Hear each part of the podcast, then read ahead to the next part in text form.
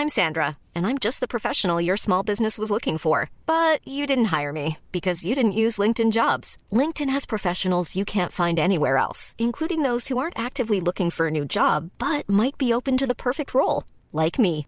In a given month, over 70% of LinkedIn users don't visit other leading job sites. So if you're not looking on LinkedIn, you'll miss out on great candidates like Sandra. Start hiring professionals like a professional. Post your free job on linkedin.com/people today.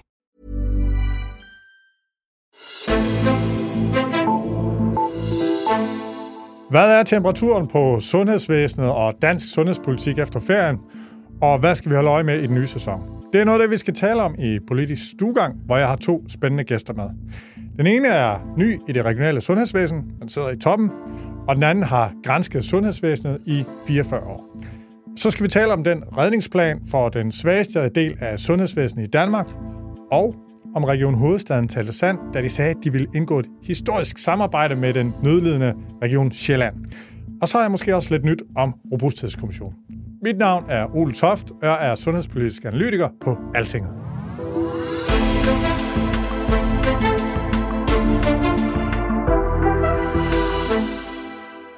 Og så skal vi sige uh, goddag til vores uh, to gæster. Den ene, det er dig, Jessegaard, professor i sundhedsøkonomi på uh, Center for Populationsstudier på SDU. Godt, du kunne komme, Jes. Jo, tak. Og Jes, du har forsket i omkring 44 år, øh, både forsket og evalueret sundhedsvæsenet. Mm. Jeg kan lige nævne, øh, du har været direktør i Dansk Sundhedsinstitut, som i dag hedder VIVE. Du har været kvalitetschef i kraftens bekæmpelse, og så har du også haft en karriere i mm universitetsvæsenet. Hvad vil du lige fremhæve? 44 år, jeg kan simpelthen ikke nå at ramse det hele op. Hvis man lige sådan skal nævne noget. Altså, jeg, jeg husker stadigvæk mit første sundhedsøkonomiske foredrag. Det var i efteråret 1979, og det var for overlægerådet, så nogle havde man dengang på Kolding sygehus. Og øh, det var meget nyt for dem, sådan vil jeg sige det, men de var flinke. Ja, fordi sundhedsøkonomer, det var faktisk en ny, relativt Det var, da, i 1979 var vi vel en 5-6 stykker. Ja, Kjeld Møller Pedersen var den Kjeld første Møller professor. Pedersen, i- nej, ja, Christiansen var nok den første, øh, og, og øh, han, han var jo kollega med Kjeld Møller Petersen, øh, og så øh, sammen med en praktiserende læge, Nils Bensen, som også havde dengang et lektorat, senere professorat i almindelig medicin, startede de første egentlige sådan sundhedsøkonomiske analyser i Danmark, og det var i midten, slutningen af 70'erne. Og det er jo i dag en fuldstændig integreret del. Kan det betale sig? Ja, men Eller- forhåbentlig meget mere, end om det kan betale sig, fordi øh, altså samtidig bliver sp- spurgt om, øh, hvad er værdien af det her, så spørger jeg det, eller siger som regel, det skal man spørge en, øh, en, en, øh, en, en, enten en teolog eller en læge om det, men altså vi, vi kan belyse nogle, øh, nogle sammenhæng mellem øh, ressourcer og, og, og fordele for patienterne.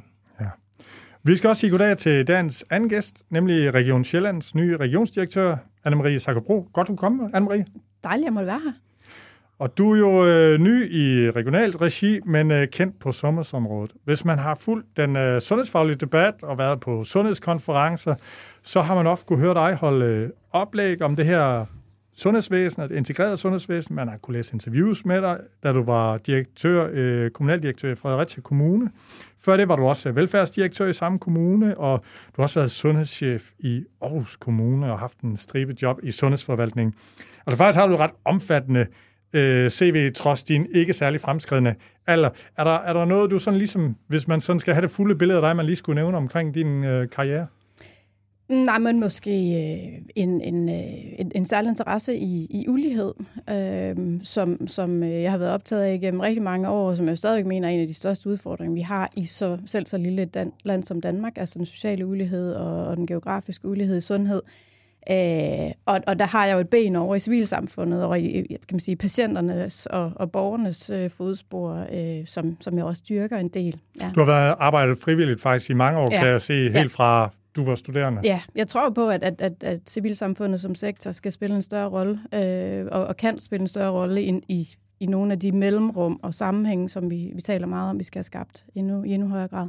Og så er du jo heller ikke helt ny i det sygehus, regionale sygehusvæsen, fordi du var praktikant i, var det Amt, øh, Aarhus Amt ja. i et halvt år yes. engang? Jamen, ja, ja øh, det, det var jeg øh, i, min, i min studietid, øh, og har jo været øh, sagsbehandler for børn- og ungepsykiatrien i, i, i det gamle Aarhus Arm, der var med da sammenlægningen og, og øh, regionerne var på vej helt, helt tilbage. Ja.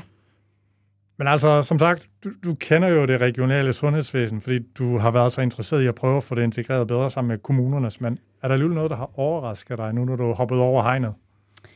Nej, der er ikke noget, der har overrasket mig. Altså, jeg vil, jeg vil sige det på den måde, at, at den store forskel fra at, øh, at sidde i en kommune øh, og, og så til at sidde øh, øh, i øh, sådan administrativt i spidsen i en region, det er, at selvom vi har mange opgaver i regionen, så er der en stor primær opgave, og det er sundhedsvæsenet.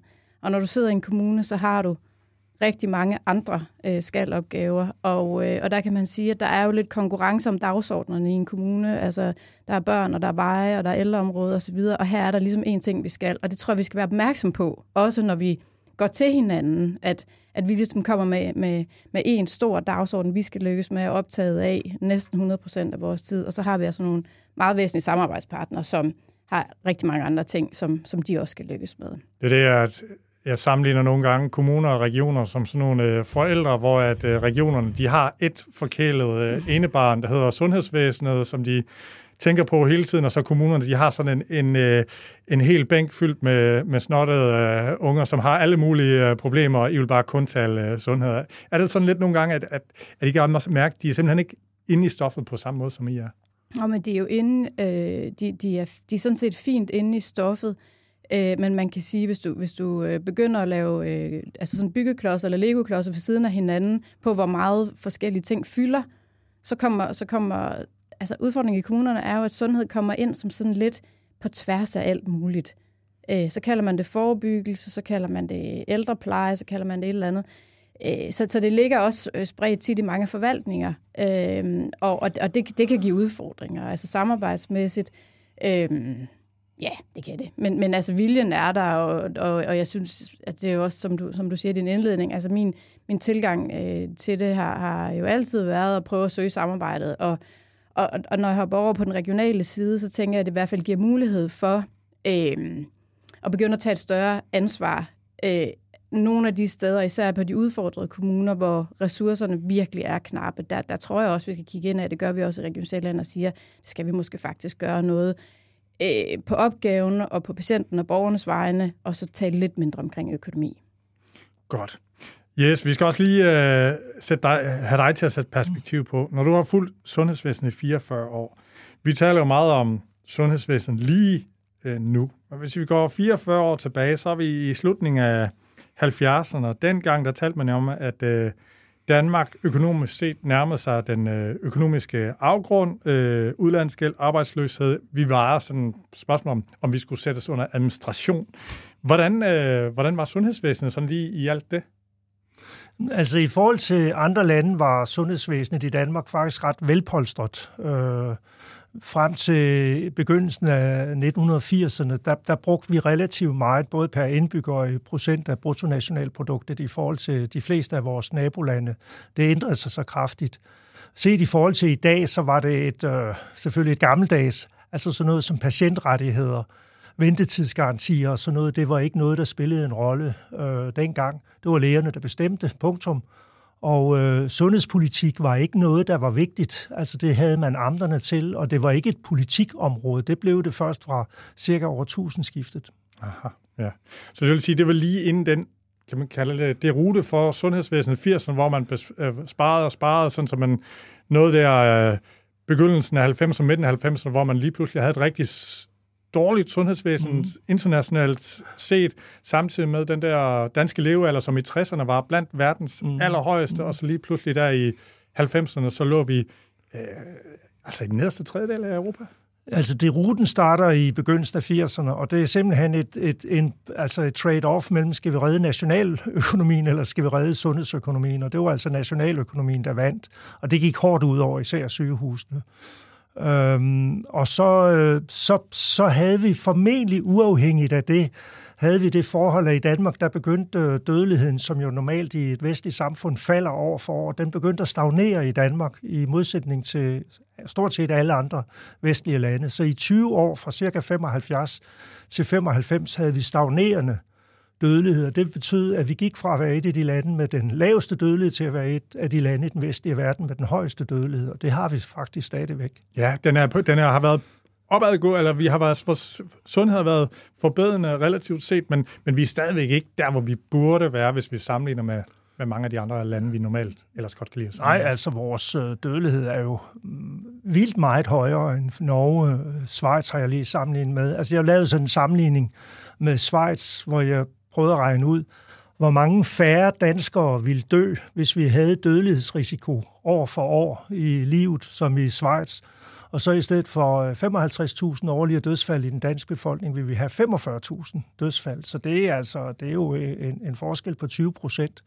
Så øh, samtidig lyder det ikke af så meget, når vi sammenligner levetid, fordi det er sådan en års forskel. Men øh, når vi sådan sammenligner årlig dødelighedsrisikoforskel, så er det faktisk 25-30 procent i forhold, hvert år i forhold til Schweizerne, og stort set øh, øh, ja, lidt mindre i forhold til den norske og den svenske befolkning. Hold nu op. Ja. Jamen, øh, tankevækkende, øh, som jo vel en del øh, skyldes, at danske kvinder øh, har røget rigtig meget mere mm. end deres øh, europæiske øh, veninder, og så også generelt danske mm. øh, glæde ved, ved alkohol.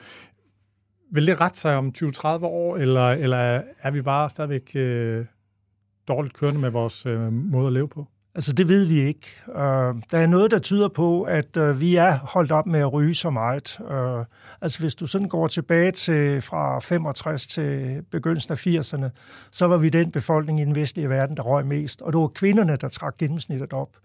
Øh, det var over halvdelen af befolkningen, der røg dagligt. Altså, og her er omkring, lige omkring halvdelen af kvinderne. Altså, tog du bare til Tyskland, Holland, var det 25 procent af kvinderne. Så, så det har haft en vældig øh, effekt. Det, det er fadet ud nu, og vi vil se de kommende 10 år, om, øh, om vi vil få fald, og det skulle vi så helst se på cancerdødeligheden.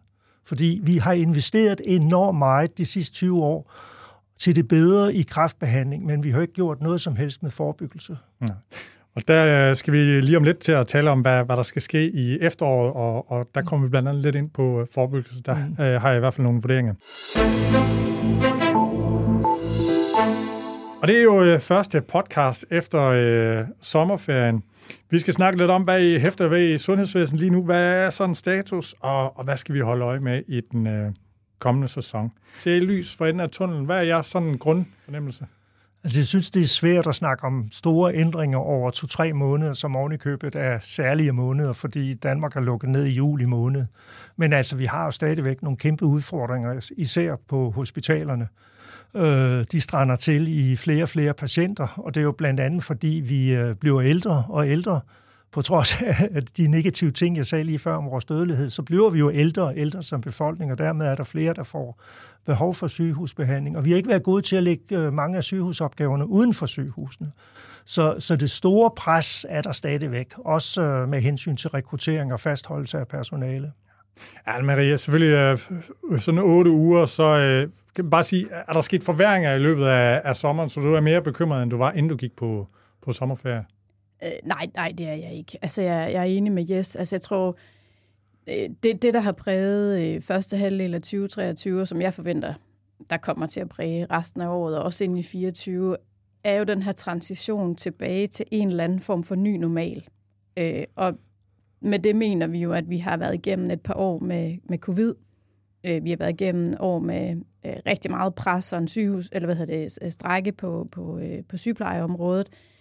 Øhm, og øh, vi skal måske vende medicinudgifterne øh, lige om lidt, senere, men altså, ja. hvis jeg skal se tre store, store bølger, så, så er det, som jeg siger, det pres ind, ind på hospitalerne. Hvordan får vi gjort noget ved det? Fordi der er rent faktisk noget af den aktivitet, vi har derinde, som bør og skal kunne ligge et andet sted øh, og løses anderledes.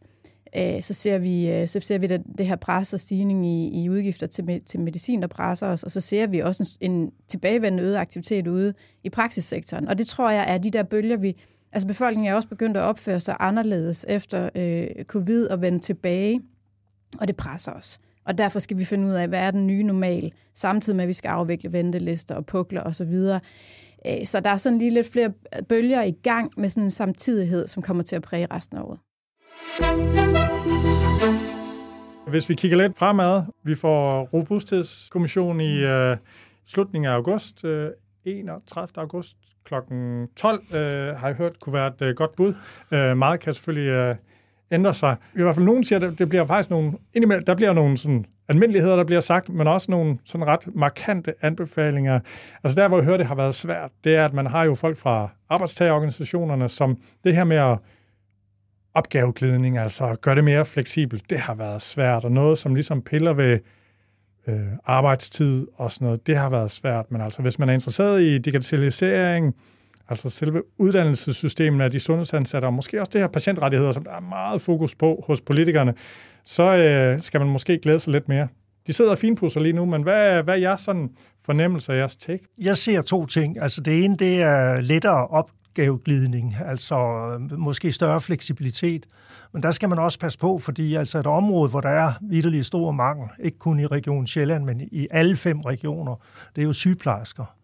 Og det, jeg hører fra sygeplejersker, det er, at det kan godt være, at nogle af vores stillinger kan erstattes af for eksempel fysioterapeuter, eller farmakonomer, eller farmaceuter, eller socioassistenter, men også kun nogen, fordi der er altså en basal sygeplejer, som de mener, det kun er dem, der kan der kan tage sig af. Så det tror jeg er et af områderne. Det bliver meget spændende at se, hvordan sygeplejerskerne reagerer på de forslag, der kommer. Anne-Marie?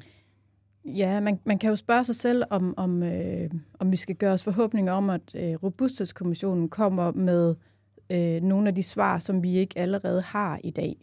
Øh, og jeg tror, hvis jeg skal have en forhåbning, så er det måske mere, at det kan sætte gang i en fornyet debat og en fornyet prioriteringsdagsorden. For jeg, så det bliver en krog for folk at sige, nu har de her nævnt det, ja, nu skal vi gennemføre nu er det også her, øh, fordi, fordi når, jeg, når jeg skiller ind til, eller vi lytter på vandrørene på det, der kommer, altså, så, så er det jo altid med de her kommissioner, at det jo ikke er taget altså, ud af den blå luft. Det er jo taget ud fra noget, der allerede er i gang, af nogle tendenser, og, og givetvis også nogle, nogle internationale øh, erfaringer. Men, men, men, men mange steder, og jeg tror noget af det, vi skal gør os forhåbninger om, det er, at vi får sat noget mere på formel. Altså får skaleret mere, fordi når, når Jes nævner AI og, og hele, altså det, som, som teknologien kan, så, så er en af de store begrænsninger i dag, at vi ikke får skaleret. Der er et kæmpe potentiale, og vi ved det godt. Øh, vi er i gang, men det går ikke hurtigt nok. Ja. Øhm, en frygt, jeg også hører, det er, jamen altså, du kan jo lave verdens bedste anbefalinger. Hvis øh, ingen reagerer på dem, øh, jeg ved, der er mm. nogen, der vil være målrettet de enkelte sygehus, regionerne mm. og noget på Christiansborg, så alle kan sådan set gå i gang. Men hvis ingen ligesom tager den, og der er der Søren Brostrøm, som jo er formand for kommissionen, han er jo allerede flyttet til øh, Genève i Schweiz, mm. fordi han har skal arbejde for WHO, hvor jeg hørte en sige, jamen altså, hvem skal i månederne efter, du ved, ligesom være ude og tale om den og holde folk op på det. Øh, fordi lige bagefter, så kommer der trepartsforhandlinger, hvor de her 3 milliarder i ekstra løn skal komme. Øh, der kommer en stribe andre ting. Der kommer finanslov, der kommer regeringens 2030-plan. Øh, hvis vi er lidt uheldige, og lad os nu sige, der kommer lidt, øh, et par møgsager. Hvis vi er uheldige, så kommer så lige pludselig så er strukturkommissionen, og så har alle glemt robusthedskommissionens øh, anbefalinger. Er det, er det sådan reelt? Øh, er det bare mig, der er sådan totalt sortseende, eller er det en reel frygt? Altså sådan bør det ikke gå. Øh, og i modsætning til struktur, Sundhedsstrukturkommissionen, så vil der komme mig fra Robusthedskommissionen, eller komiteen, eller hvad det nu hedder, øh, som jeg mener, de kan gribe fat i ude i regionerne, altså helt ned til sygehusdirektionsniveau. Fordi der bør, der bør være nogle, som du selv siger, kroge, man kan hænge nogle øh, mulige nye tiltag på øh, og gerne samordnet mellem regionerne. Så jeg tror, det er meget op til regionerne selv. Jeg tror i virkeligheden ikke, der vil være så meget, som vil interessere dem på Christiansborg i det her. Øh, fordi det, der interesserer dem på Christiansborg, det er kræft, det er ventetider, det er ulighed og så videre. Det her med, øh, med arbejdskraft, det er måske ikke helt så, så vigtigt for dem. Men ude i regionerne kunne der komme en hel del ting, som man kunne tage fat i. Ja. Det med udlandske arbejdskraft, det skulle der ikke være så stor... Øh, det, skulle, det skulle være en af de svære, øh, øh, har jeg hørt. Og tænker også det omkring patientrettigheder, øh, det kunne også godt give lidt genlyd på... Mm. I hvert fald, hvis det er, hvis det er kritisk over for, for det. Ja, Anne-Marie? Nå, men altså, hvis vi skulle drømme om, hvad der kommer, så er det noget, der kan puste til en prioriteringsdagsorden. Fordi det er det, der er vores udfordring. Altså med, øh, vi, vi arbejder jo ud for de rettigheder, der er, og den lovgivning, der er, men det presser. Øh, og, og man kan sige, hvis vi kan få gang, det, det vi selv i gang hos, hos os, øh, med mere behovsstyret øh, behandling og så videre, så videre, så videre, men der er jo kun en ramme, vi kan gøre det indenfor, hvis vi ikke skal komme i klemme. Ja, og øh, jeg kan også bare lige sige, at min øh, gode kollega, vores øh, sundhedsredaktør øh, Andreas Vind, han har skrevet en øh, artikel, som jeg ligger i øh, artiklen, hvis du hører vores podcast via hjemmesiden eller via din podcast-app. Der er noget, der hedder Show Notes, hvor man kan lægge øh, links. Der har han skrevet en lang artikel, hvor han lister op, hvad der ligesom sker. han har skrevet om Robusthedskommission, han har skrevet omkring finanslov, budget, de regionale budgetforhandlinger. Han har nævnt, hvad der muligvis kommer til at ske på kraftområdet. Jeg skal lige hive en side frem med her, så jeg lige kan se øh, opfølgingen på akutplanen, er han øh, også inde på. 2030-plan og treparts. Øh, der kommer også til at ske noget på øh, etikområdet. Øh, abortgrænsen øh, er jo i spil. Øh, regeringen kom før sommerferien med udspil. De vil sige noget omkring, de vil øh, komme med noget omkring aktiv øh, dødshjælp, som fagfolk er svært kritisk imod, men som mm. befolkningen, når den bliver spurgt i meningsmålinger, er positiv overfor. Og øh, han nævner også øh, forebyggelse. Der, de gik jo i gang før sommerferien, både omkring øh, tobak, øh, hvor der Moderaterne jo gik til valg på, og Venstre har været ude og sige, at vi skal op på de der 90, øh, 90 øh, øh, måske højere. Øh, jeg har hørt, at øh, det bliver måske øh, svært, men øh, bliver spændende at se.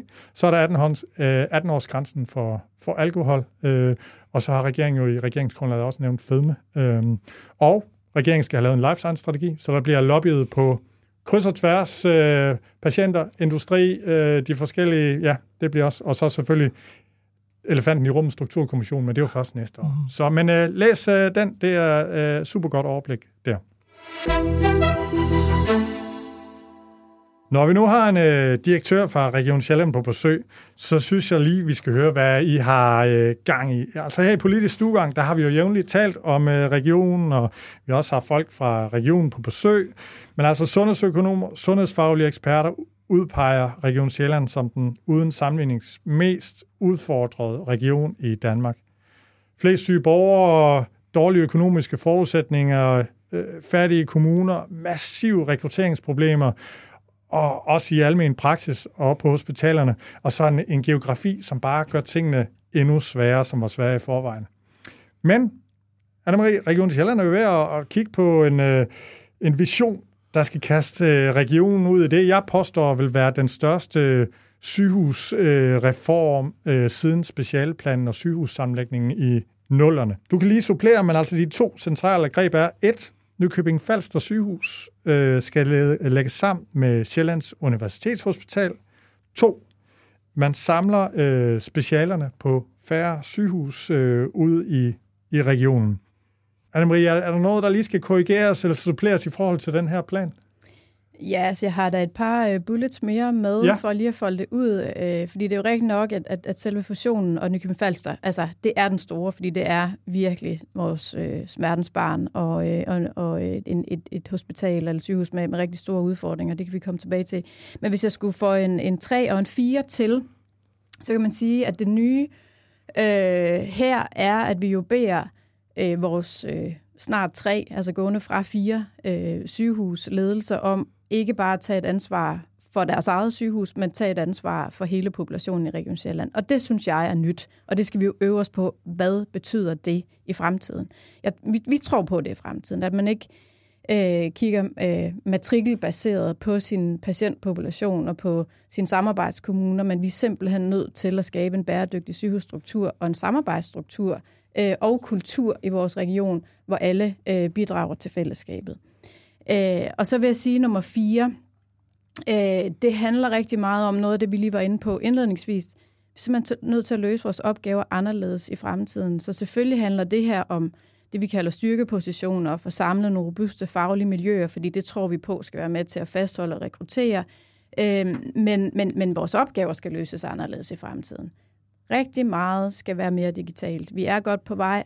Øh, men vi skal mere ud af den, øh, af den bane. Vi skal have forebygget flere indlæggelser, så der er jo også noget ud af, af sygehusene, øh, ud mod øh, primærsektoren. Og, øh, og hvad hedder det? Så skal vi arbejde klogt. Ja. Altså, så der er også et stykke, hvordan går vi i takt, så et speciale og en afdeling ikke siger, at vi, vi gør tingene på den her måde. Vi er simpelthen nødt til at gå mere i takt i hele Region Sjælland øh, på fagligheden også, end vi gør i dag.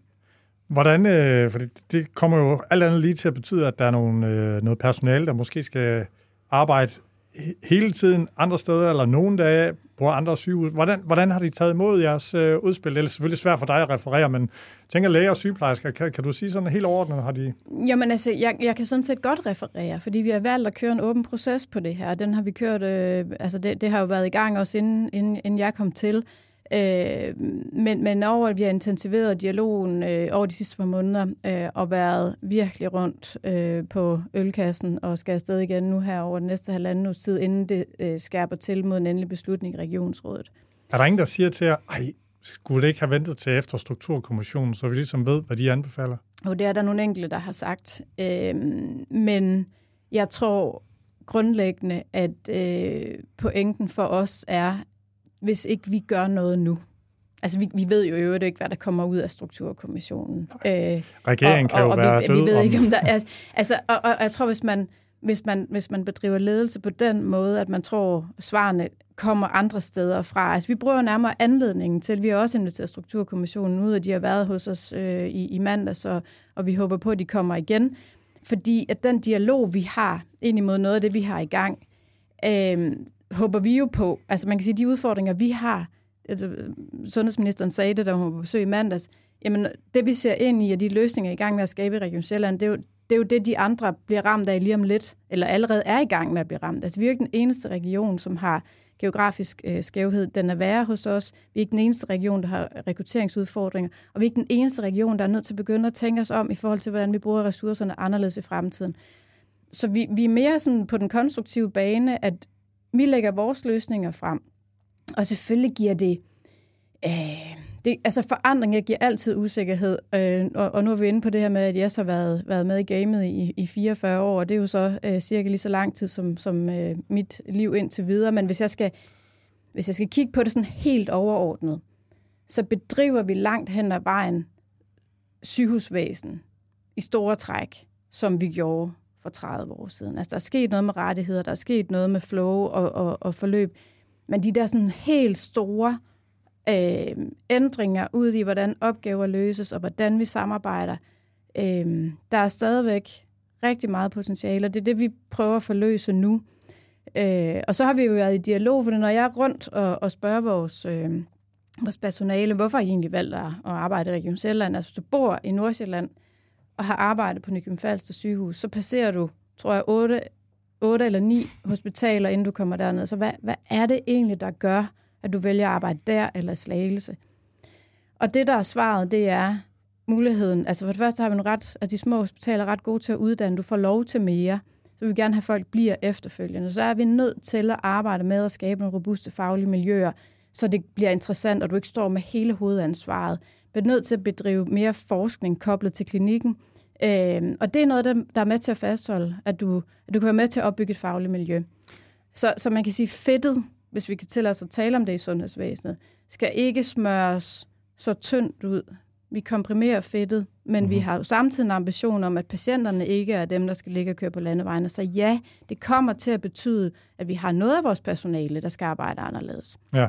Men ikke, øh, ikke alle. Inden Jes har et spørgsmål, øh, så har man jo vedtaget de her sundhedsklynger, så hvert akuthospital øh, er jo en klynge med de omkringliggende kommuner og praktiserende læger. Ja. Nu begynder jeg så at samle specialerne på færre sygehus. Betyder det så, at I er nødt til at sige til regeringen, jamen ved du hvad, vi er altså nødt til at, at have færre klynger, fordi vi, vi laver en anden sygehusstruktur nu? Øh, nej, nej, tværtimod. Øh, jeg tror, det, der er vigtigt at holde fast i forståelsen, det er, at vi, vi fusionerer en ledelse af to sygehus, men vi beholder to akutsygehus. Der vil jo fortsat være, altså det her er øvelsen i at beholde et akutsygehus på Nykøbing Falster.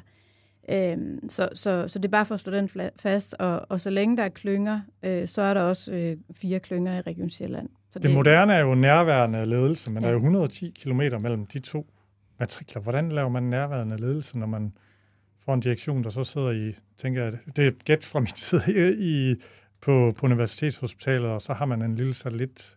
Hvad, har I gjort jer nogle tanker omkring det? Og det har I sikkert blevet spurgt om. Vi er i forvejen vant til at arbejde med, øh, med matrikelbaseret ledelse. Altså, vi har jo også et, øh, et, et sygehus i Roskilde, og vi har sygehus altså flere andre steder i, i regionen. Øh, der vil fortsat være stedlig ledelse på Nykøbing Falster sygehus, og vi får så samtidig, fordi vi fusionerer de, de ledelser, der er, øh, en, en, en større sygehusledelse at, at gøre med, end vi har i dag. Så der bliver jo flere medlemmer af den, den ledelse, som i høj grad også skal være til stede på Nykøbing Falster øh, sygehus i fremtiden. Okay. Yes, hvad, hvad tænker du, når du... Øh, du har jo også i altinget virkelig sagt, der skal ske et eller andet mm. i Region øh, Sjælland. På alle mm. parametre er de voldsomt øh, udfordret. Tænker du det her, lyder det som den, den rigtige medicin? Mm, altså det, det var jeg ude at sige for en måned tid siden, og jeg synes, det her så rigtig fornuftigt ud. Øh, hvis vi tager de to første punkter, så er det heller ikke så helt nyt, som, øh, som man måske kunne tro, fordi altså i Region Hovedstaden fusionerede man jo ledelsesmæssigt øh, sygehusene parvis for 6-7 år siden. Og det er i virkeligheden det, man gør her øh, også. Altså det, jeg synes, der er det spændende i det her, det er de to ekstra punkter, der kommer på. Det med at prøve at få sygehusledelserne til at tænke for det første sammen, og det er jo en del af fusioneringsøvelsen, øh, men også begynde at tænke populationsansvar. Og, i det her, og så videre til det næste punkt, altså hvad, hvad er sygehusets opgave? Og der må man nok sige, at vi har haft enormt mange strukturelle reformer af vores sygehuse de sidste øh, 44 år, som jeg i hvert fald har fulgt. Man har lagt sammen, og man har lukket små og mellemstore sygehus osv. Men man har jo ikke ændret så meget indholdsmæssigt. Og det er det, man skal i gang med nu, og det er det, der er det svære, fordi det, altså indtil for fire år siden, der gik alle incitamenterne jo imod at sygehusene skulle lægge opgaver ud med DRG-finansiering. Og der er begyndt at komme nogle nye ting nu, hvor så i det mindste incitamenterne ikke modarbejder en uddelegering af sygehusopgaverne til, øh, til, til noget uden for sygehusene, som vi jo også på en eller anden måde skal have skabt rammerne for. Så det er ikke en let øvelse, men det er en rigtig vigtig øvelse, og jeg ønsker Region Sjælland og rigtig stort held og lykke med det. Ja, Anne-Marie? Jamen, jeg er, jeg er meget enig med, med, med det, Jes er inde på her til sidst. Man kan sige, at vi tager sådan set, øh, misforstå mig ikke, men det, det nemme greb nu. Altså det, det, det nemme greb er jo at tale om fusionen, og, og, og det svære, lange greb, vi kommer til at arbejde med nu, det er en helt ny forståelse af, hvad det vil sige at bedrive sygehus i fremtiden. Mm. Så vi kommer jo til at tale om, hvad er sygehusledelsernes opgave? Jeg synes, vi trænger til at tale meget mere om det. Hvad er det, vi skal forvente af vores sygehuse, både ind på matriklen, ud i samfundet? Og så kommer vi til at lave en ny økonomimodel. Øhm, og det håber jeg jo, at... Økonomimodel, altså internt i regionen, eller Ja. Hvis du skal kunne øh, arbejde populationsbaseret. Og, ja, og ja. det er jo det helt store buzzword, ja. populationsansvar. Ja. Kan vi ikke lige, øh, hvem af jer vil definere for nye lytter her, hvad er populationsansvar, når vi taler sundhedsvæsen? Jamen, jeg kan jo give min, og så kan det være, at jeg har en anden, men jeg, jeg mener jo, at den har to akser. Øh, fordi den har en akse mellem vores sygehuse.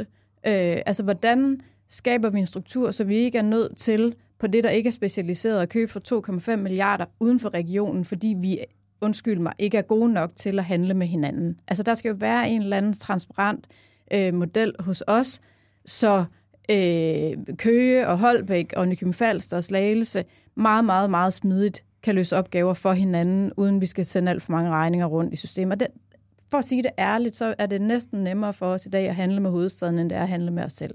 Det skal vi have løst. Så, så og, og, og incitamentet til at tage de opgaver ind, som er der, som, som, som løses bedst muligt på rette sted. Vi har jo i dag allerede mange, som kører akut med blå blink fra Nykøbing Falster til Køge, fordi vi har de specialiserede ressourcer der. Så det er jo ikke fordi, at, at den del af det er nyt, men det skal vi kunne fremme. Men så er der også en populationsakse ud i samfundet, og det er jo den, jeg også er inde på.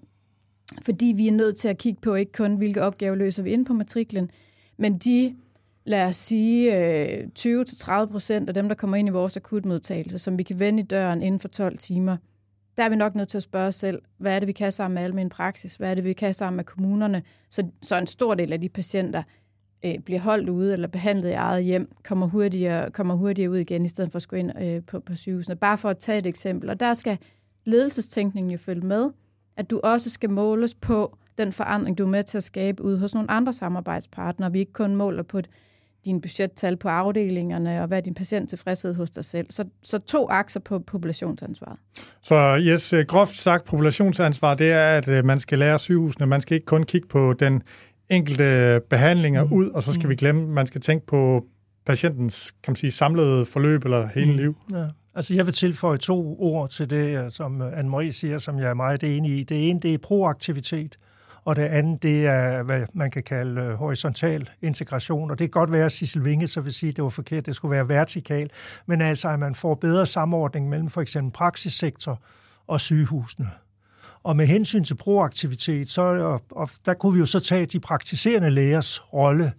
Altså i stedet for bare at have et blik på den enkelte patient, som måske lider af noget diabetes og har også øh, en moderat depression og måske lidt hjertesygdom osv., og så kan der være nogle sociale problemer, og så fokuserer man på den enkelte patient, så skal man øh, fokusere på helheden, altså alle de diabetespatienter, man har i sin, øh, i, i sin øh, i, i sin patientmængde, som jo er cirka sådan 14-1600 patienter gennemsnitligt for en praktiserende læge, og simpelthen følge, hvor øh, kommer de til kontrollerne, er de velreguleret osv.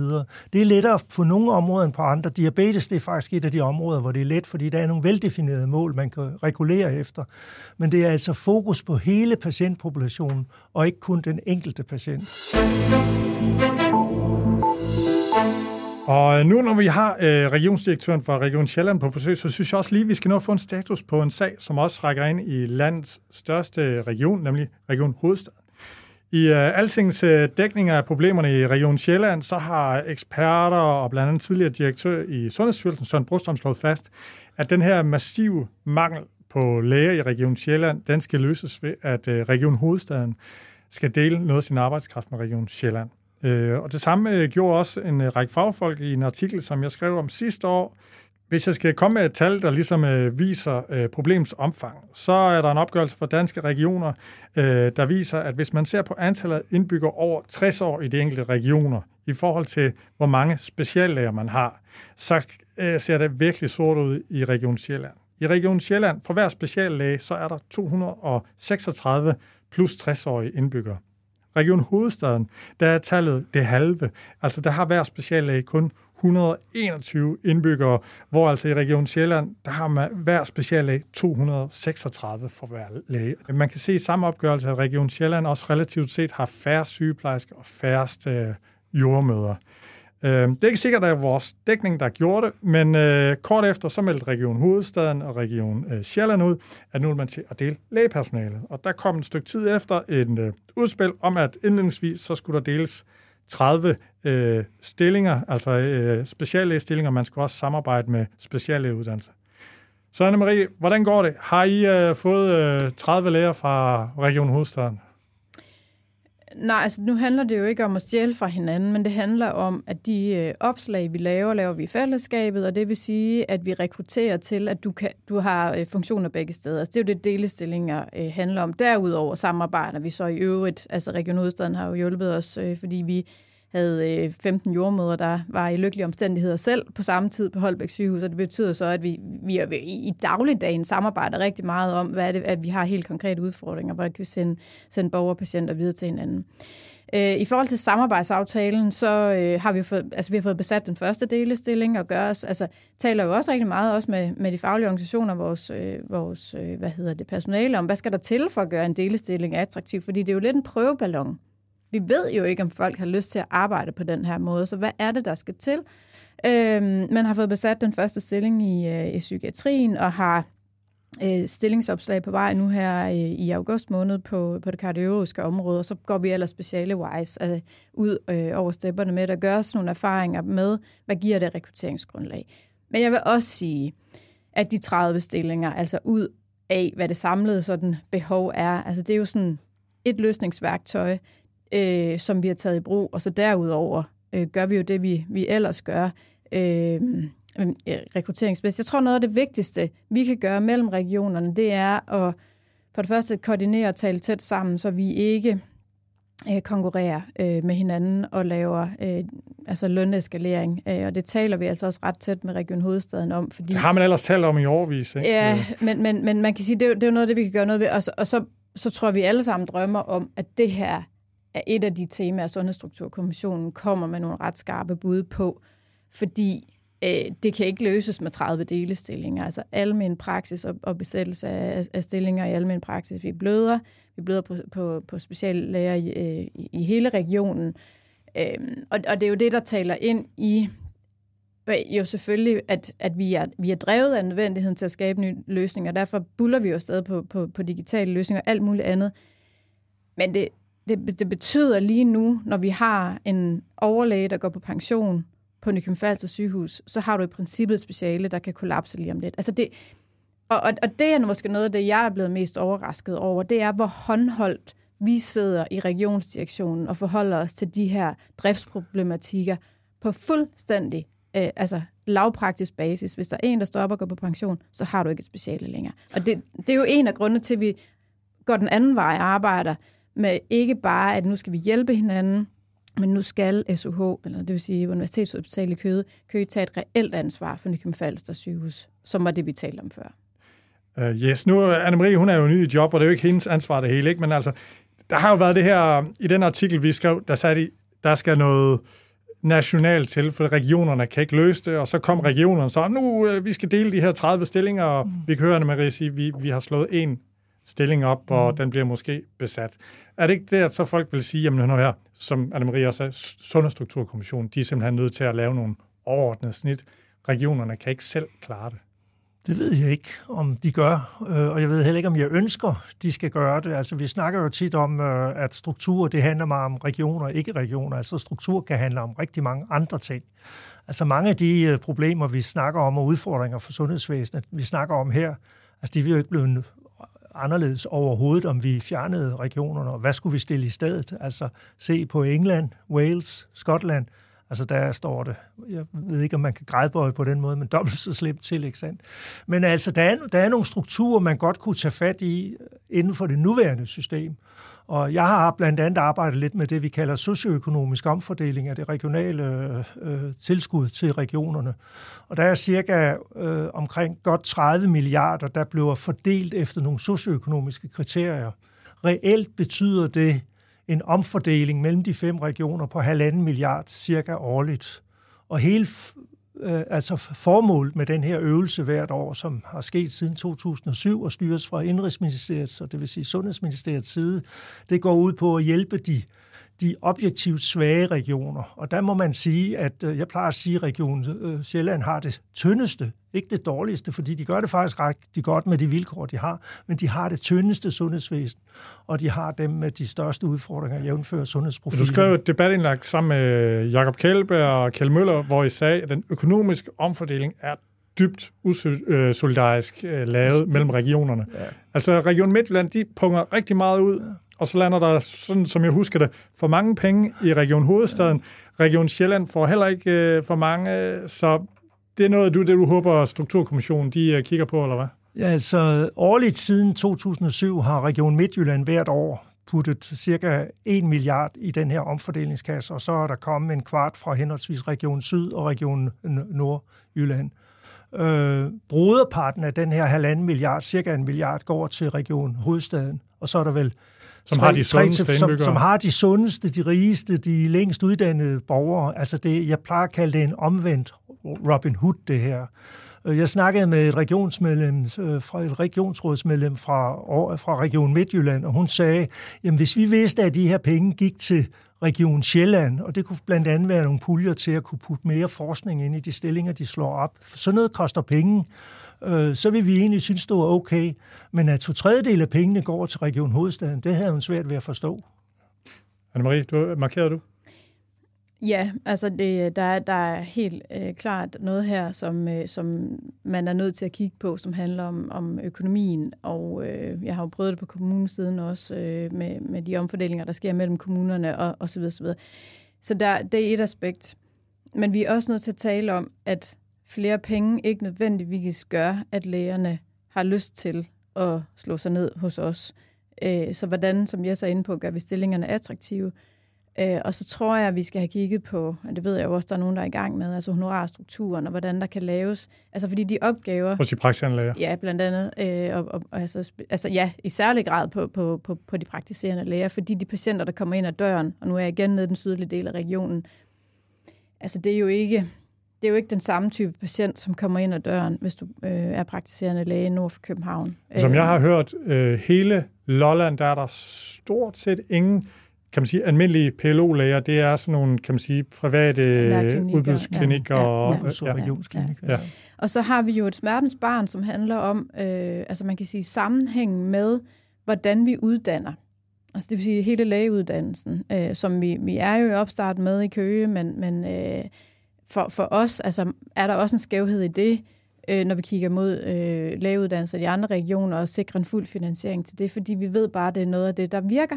Hvis du tager din fulde lægeuddannelse i den region, øh, hvor du er og kommer ud også, og har din, din øh, introforløb osv., så, videre, så er der en meget, meget, meget større øh, sandsynlighed for, at de andre parametre, som betyder meget for mennesker, det vil sige familieliv og bosætning osv., at det følger med. Men man er inde i den her dårlige cirkel med, ja. at en del af de små hospitaler i Region Sjælland er så presset, så de unge læger bare hører fra deres kolleger, don't go there. Det er simpelthen for hårdt, og man bliver sat til, ud i nogle situationer, man slet ikke har lyst til.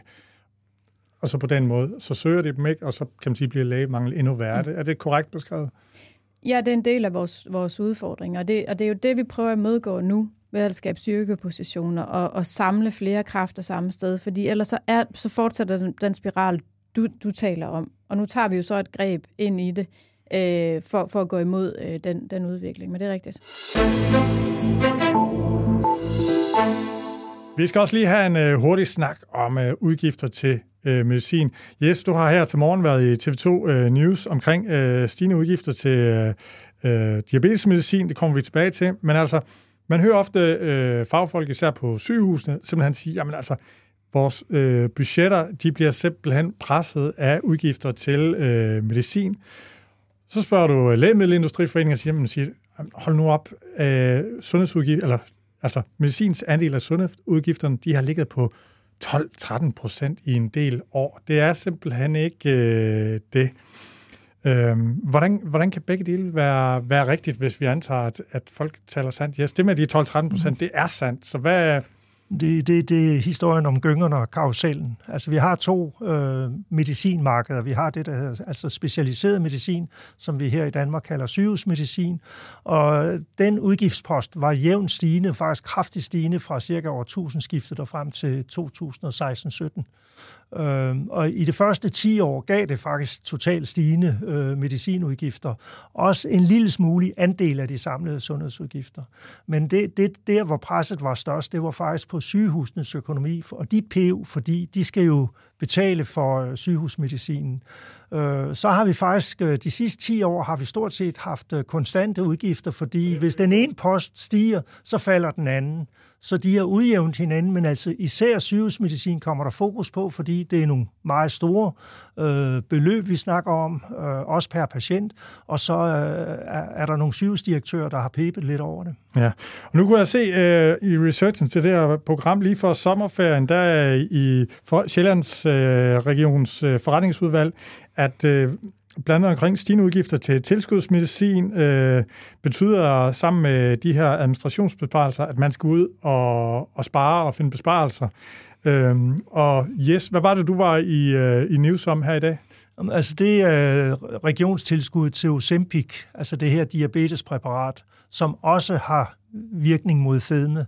Det, øh, det, det alene er afsted med 1,1 milliard kroner, eller det regner man med, det vil gøre i indeværende år. Ja, og når du siger tilskud, så er det fordi, at det er noget, man, øh, det er noget, man får via apoteket, ja. og så betaler regionen en del af det medicintilskud. Det betaler 80 procent af ja. det samlede. Øhm, og hvordan øh, har, har det løst sig herover og sommerferien, Anne-Marie? Øh, skal I fortsat ud og finde besparelser for det, at, at det stiger til næste år, eller hvad?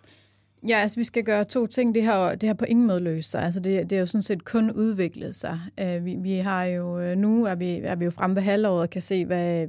Altså tidligere laver vi det jo på prognoser, og det er jo også det, når vi budgetlægger, så lægger vi os op af statens skøn for, hvordan udvikler de her ud, udgifter sig. Og det viser sig jo så både i år, og det regner vi også med næste år, at der er meget stor usikkerhed forbundet med statens skøn. Statens skøn var i hvert fald ikke retvisende i år, men det, det er det, vi budgetlægger efter. Øhm, og vi kan se, at udgifterne, og det er fuldstændig rigtigt, som jeg siger, altså det er jo et, et enkelt præparat, øh, som får det hele til at stikke af. Og det har det også gjort ved os, og det har det også, vi har, øh, jeg ved, det er den samme situation øh, hos mine kollegaer i de andre regioner. Og det betyder noget i år. Så vi er nødt til at bremse op øh, og, og, øh, og lave udgiftsdæmpende initiativer allerede i år. Altså simpelthen, fordi vi jo også har en ramme, vi skal overholde øh, samlet set som region i forhold til, til staten. Og så er vi, øh, så er vi meget øh, altså følger det meget, meget, meget tæt, fordi jeg tror kun, vi, det her det er jo begyndelsen. Altså det er jo ikke præparatet, der fejler noget, men man kan sige, det effekten af det Øh, altså, der er rigtig mange patienter, der, der har rigtig stor gavn af det. Ja, du siger, det er jo noget af den praktiserende læge og de her private lægeklinikker, men det påvirker også jeres øh, regionale sundheds, øh, sygehusvæsen. Hvordan det? Man kan sige, der, der, jeg tror, det jeg nævnte for, der er, der, der er to ting. Altså, der er det tilskudsberettet, det bliver jo en lille smule teknisk, men det er øh, det, som er på listen over, hvad kan du få tilskud til, hvis din praktiserende læge vurderer, at du skal have det her præparat. Det var det første, vi talte om. Og så er der andre præparater, som lægerne kan udskrive, men som ikke er på tilskudslisten endnu. Det øh, forventer vi nok, at de kommer på et eller andet tidspunkt. Men som det er i dag, så kan man sige, at vi har ikke de direkte udgifter til så at yde tilskuddet, men der er nogle af de her fedmepræparater, som så betyder, at du skal gå til hyppigere kontrol ved din egen læge, hvilket jo kan være fint nok, men der i stiger vores udgifter til praksissektoren jo også. Altså, så, så der er også nogle skjulte afledte effekter ved det her, og jeg tror, vi samlet set har brug for at gå Altså, vi har brug for at gå noget tættere på, fordi når vi, når vi taler om sundhedsområdets økonomi, er det jo fuldstændig, jeg, jeg er helt enig i, at når vi kigger på sygehusmedicinen, så er det ikke der, vi har store udfordringer. Men vi har pres på vores sygehus, vi skal producere mere, og økonomien på vores sygehus er presset af den grund. Så stiger tilskudsudgifterne voldsomt, og lige nu stiger øh, udgifterne til praksissektoren også. Så du har tre af de helt store, hvor vi sådan set kun kan påvirke den ene, og det vil sige vores egne sygehusbudgetter. Og det vil sige, når de andre to udgifter stiger, så skal vi finde besparelser hos os selv. Selve måden, vi har øh, medicintilskud på i, i Danmark i, i dag, der øh, betaler du selv din medicin, du får lidt tilskud til, men hvis du har betaler over et vist beløb, jamen, så betaler staten resten. Er du noget med de her nye præparater? Jeg ved, der er flere andre præparater på vej, også på andre områder. Tror du, vi kommer til at, kan man sige, at skulle svække det danske medicintilskudssystem, så danskerne skal betale flere penge selv? Det ved jeg ikke, øh, men lad mig lige først sådan, hvad, hvad er scenariet for de næste to-tre år? Og det er, at vi kun har set begyndelsen med de her 1,1 milliard Øh, ved Govi der er det lige blevet dokumenteret, at det har en reducerende øh, effekt på øh, risikoen for at få øh, hjertekarsygdomme. Så jeg er ret sikker på, at i løbet af efteråret, eller i hvert fald næste år, så vil medicintilskudsnævnet også klassificere det som tilskudsberettiget. Og så snakker vi ikke om 1 milliard, så snakker vi om 2 milliarder. Så er der andre præparater på vej med samme slags, og det er jo, det er jo hvad skal vi sige, farmakologisk forebyggelse, det her. Det er faktisk ret effektivt, men det er også meget dyrt. Det, der er øh, det gode, det er efterhånden, som der kommer flere præparater, hvor der kommer konkurrencer, og så falder priserne.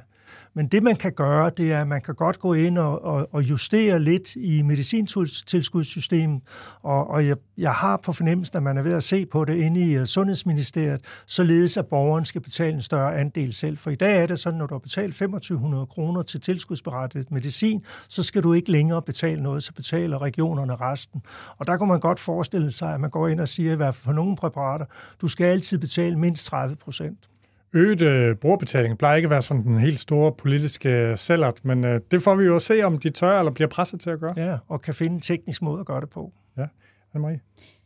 Ja, det, altså, jeg tror set, set øh, i sådan et Region Sjælland perspektiv, at det jo en, vil jo være en ud, øh, hvad hedder det, uligheds øh, forstærkende faktor. Altså, vi har jo lige været igennem et år, hvor øh, der er blevet reguleret den modsatte vej øh, i forhold til tilskudsmedicin på grund af inflationskrise mm. osv., Øhm, og det har jo været for at tilgodese nogle af de mennesker, som simpelthen ikke har råd til at købe øh, deres, øh, deres medicin. Eller, så, så der er loftet lige blevet sat ned. Og det er ikke, jeg er ikke politiker, men, men det er i hvert fald nogle af de gynger og karuseller, man også er nødt til at, at forholde sig til, og en region som vores ville en øget egenbetaling øh, være ulighedsskabende. Ja. Hvordan, det vil den for øh, hele landet. Ja. I forhold til det med, I presset på økonomien, Anne-Marie, er det sådan, at øh, man kan regne med, at der måske skal ske fyringer, eller er der det, det lidt blødere, det man kalder serviceforringelser? Hvad, hvad, hvad er vi ude i? Øhm, nej, altså jeg tror, øh, når, når jeg kigger ind i, øh, i budgetlægningen for 24, så er udgangspunktet, at hvis vi ikke selv som region skaber et rådrum så er det råderum og rammeløft, vi har fået i økonomiaftalen, forlades et op af de udgiftsstigninger, vi ser på medicin. Der blev givet en milliard, der, nu, nu koster medicin en milliard, og det, det er udgangspunktet hos os. Øhm, det, det vi arbejder ind i er jo så at skabe det rådrum, og det har, det har, man, det har man så heldigvis gjort øh, altså også øh, tidligere tilbage, så vi kører, vi kører nogle planer for det. Men når vi samtidig står i en transition, vi bruger rigtig mange penge på det, vi kalder de dyre løsninger, altså det vil sige frivilligt ekstra øh, merarbejde osv., overarbejde, vikarløsninger, og driver, som Jes var inde på, et, et, et sundhedsvæsen i Region Sjælland, som er dyrt. Øh, vi bruger meget private hospitaler. Det hænger jo sammen med vores rekrutteringsudfordringer. Hvis vi skal have, hvis vi skal have vendt den skude, og ligesom tilbage til en anden normal, hvor vi opretholder en høj øh, produktivitet, så bliver 2024 for os et transitionsår, hvor vi øh, meget gerne vil undgå at gå ud i sparerunder, men at vi skal tættere på vores drift, og også, altså det er derfor, jeg taler om at lukke sygehusenes økonomi op på en ny måde med den anledning, vi har med det udviklingstiltag, vi laver, fordi vi er nødt til at bedre styr på, hvordan vi bruger hver eneste krone. Klogt. Mm-hmm. Men jeg forventer ikke øh, på, på, øh, hvad skal man sige, på, på front, øh, det kliniske personale, på vores plejepersonale, at vi skal ud i, i, øh, i sparerunder. Men vi er jo pålagt en administrativ besparelse på for vores vedkommende 43 millioner, og det kan man sige, det skal vores politikere jo også forholde sig til. Så I skal ud og, og spare 43 millioner, det du siger? Der skal findes øh, tiltag, som øh, bidrager til administrative besparelser. Om det så er hoveder alle sammen. Altså, der er jo mange greb, man kan tage ind i det. Ja. Øh, men det er det, vi går ind til budgetlægningen øh, med som forudsætning, ja. ja. Nu kommer der jo finanslovsforhandlinger, og normalt, øh, nu har vi en flertalsregering. Når man ikke har en flertalsregering, så er det parlamentariske grundlag, de plejer jo så i finanslovsforhandlinger at presse nogle, kan man sige, klare øh, øh, politiske trofæer ind i form af et eller andet krav på sundhedsområdet, eller ekstra penge. Øh, yes, tænker du det er realistisk, når vi, ikke, når vi har en flertalsregering, eller, eller kan det blive så tydeligt? Du har, ja, lad mig sige det på en anden måde. Du har jo flere gange sagt, at altså, regionerne er nødt til at sige fra. Kan du lige prøve at uddybe det? Jamen, altså, jeg mener som sundhedsøkonom, at de rammer, man, øh, man giver regionerne til at drive et sygehusvæsen med, men jo også det øvrige sundhedsvæsen med øh, kontrakter til for eksempel praksissektoren og, og hele medicinområdet, de er simpelthen for snævre i forhold til de ambitioner, som landspolitikerne øh, melder ud. Landspolitikerne er altid i juni måned meget forsigtige med at melde ambitioner ud, fordi der forhandler de økonomi med regionerne, men lige så snart af den tid, jamen, så starter jagtsæsonen igen øh, på øh, patientrettigheder. Så vi skal have en bedre balance mellem de rettigheder og de ambitioner, man stiller ud for især sygehusenes ydelser til en ældrende befolkning, og så de økonomiske rammer. Og der savner jeg samtidig, at, at regionerne siger fra, og det, det går sådan set helt ned til de, øh, de faglige ledelser, at man skal samtidig ture sige fra og sige, det her, det kan vi simpelthen ikke yde den kvalitet til, der skal, der skal være. Øh, det er sjældent, vi ser det. Altså, vi så faktisk Anders Kynav et par gange i øh, 2019 være ude og sige, med den her økonomi kan jeg ikke garantere for kvaliteten længere. Og nu kan vi jo se, den suppedas i hvert fald Aarhus Universitetshospital står i. Men det er meget sjældent, at vi ser sygehusledelser, både politisk og administrativt og fagligt, de tør melde ud, det her, det hænger ikke sammen der hænger det måske sammen med, at vi lige nu har en strukturkommission. Så kunne jeg bare forestille mig, hvis øh, regionerne i år i de her økonomiforhandlinger havde sagt, at det kan vi ikke, øh, at så var de næsten sikre på, at de blev nedlagt. Er det, er det sådan? sådan håber jeg ikke, strukturkommissionen bliver brugt, fordi uh, altså ligesom Region Sjælland er fortsat med den uh, reform, de har lige i gang lige nu på sygehusområdet, selvom der sidder en strukturkommission, og at det er rigtigt, fordi ja, vi skal ikke lade alt gå i stå, fordi der nu sidder en kommission, uh, og derfor må det heller ikke på det økonomiske område. Altså så vil jeg egentlig mere se på de her 5 milliarder, som uh, regeringstoppen jo lovede danskerne for et par måneder siden, hvordan udmyndtes de faktisk. Altså, så vidt jeg kan høre, så begynder de først rigtig at udmyndtes i 25, 26, 27. Det er i hvert fald det, der, der står i udspillet, ja. ja. og der kunne man måske fremskynde nogle af dem, fordi altså dansk sygehusvæsen, især men hele sundhedsvæsen, de, de bløder i forhold til de ambitioner og forventninger, vi har om og til øh, vores sygehusvæsen. Noget, du vil øh, tilføje, Marie, inden vi uh, slutter?